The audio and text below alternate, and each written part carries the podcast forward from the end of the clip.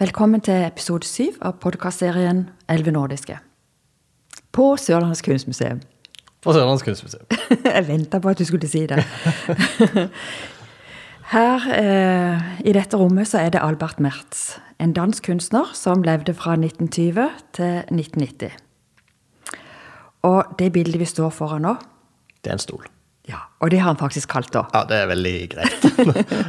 Av og til er det veldig greit når de forteller oss hva det er de, de faktisk har malt. Ja, det er jo det, altså. Det Men det er jo ikke det det som kanskje er det mest sentrale med dette bildet, at det er en stol. Nei, altså han malte dette i 1966.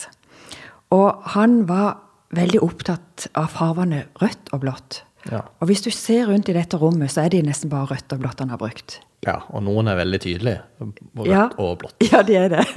De heter jo faktisk det òg. Ja, Ja. rødt og blått med hvit kvadrat, f.eks. Ja, veldig beskrivende tittel. Ja, det er det. Men dette bildet skiller seg jo litt ut fra de andre, for eh, her kan du faktisk se at det er en stol. Og det er jo dette perspektivet som gjør at eh, en får den illusjonen på en måte av at det er en stol. For det er jo ikke en stol, hvis vi tenker sånn. Så er det jo et bilde av en stol. Ja, det er sant. Det er jo ikke en faktisk stol. Det, Nei, det er sant. det er ikke det. Det går sikkert an å sitte på det. Jeg vet ikke om vi skal anbefale at noen gjør det, men Nei. Nei. Han var jo i likhet med han eh, forrige, Doblaug, eh, også interessert i, i det med at maleriet det var en selvstendig ting. Eller ja, selvstendighet. Det var farvann og linjene og formen som var det sentrale. Og en kan jo også legge merke til her at det her henger det jo faktisk et kunstverk. Og ser du åssen form det er Nei, det gjør du kanskje ikke, men det har jo en litt sånn spesiell form. Eh, og det er jo ikke vanlig at en henger opp kunst fra taket. Nei, det Eller malerier. Nei, det er jo et poeng. Det De er et henger på vegger som regel. De gjør jo det i ramme. Ja. Men han er jo også en av de som liksom utfordrer det vante med å ha et maleri på veggen. Han henger det i taket, og formen er jo ikke kvadratisk eller rektangulær sånn som andre, men mm. eh, det følger liksom det han har malt. Og setter det på en måte i monter på gulvet. og Utforsker litt andre, andre rom, da. Altså. Ja, rett og slett. Ja. Og han var jo en kunstner som hele livet eksperimenterte. Han drev med masse forskjellig. Eh, Jeg så en eh, filmsnutt som han hadde lagd. Og da Eller film og film. Du så et bilde eh, av en A. Nesten sånn malt sånn som dette her, som en sånn perspektivmaleri. Eh, og så hørte du hans stemme samtidig som du så på dette bildet. Og da sa han A, A, A, A. Snudde seg vekk og sa det høyt og lavt.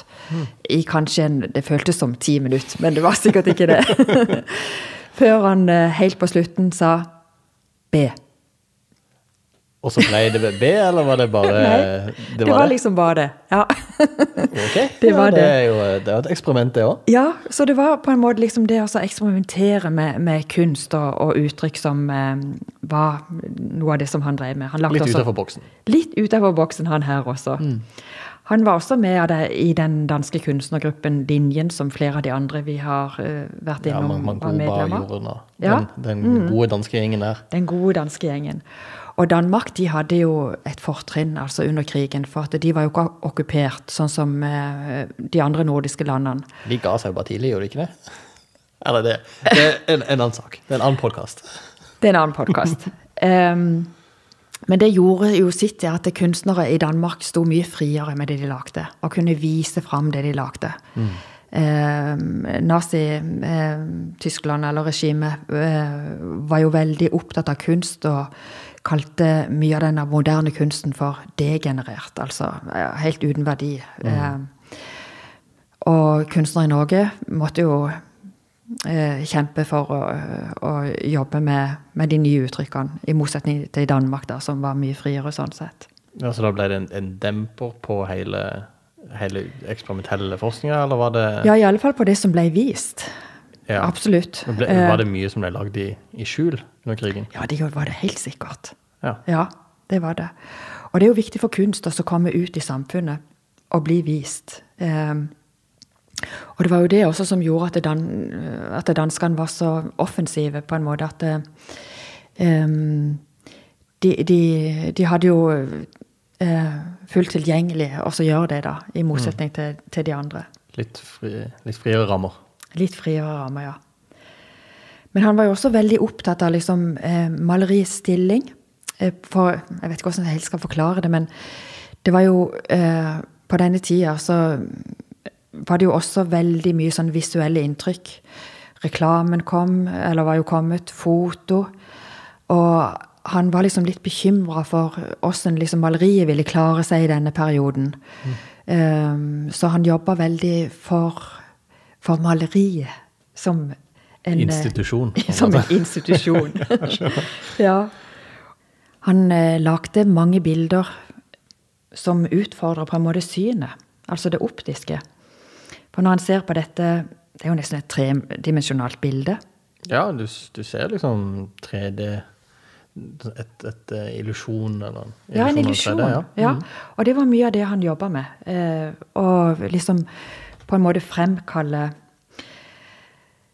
den virkningen når du liksom føler at det, dette er jo som en illusjon. For mm. det er jo egentlig et flatt bilde.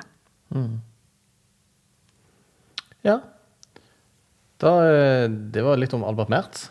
En kort episode om han. Eh, så da går vi inn i, i neste rom og tar for oss eh, neste kunstner i, i denne podkastserien. Hvem er det vi skal fokusere på da? Da er det Anna Eva Bergman. Mm. Flott kvinnekunstner i neste episode. Så er det bare å gå til neste rom.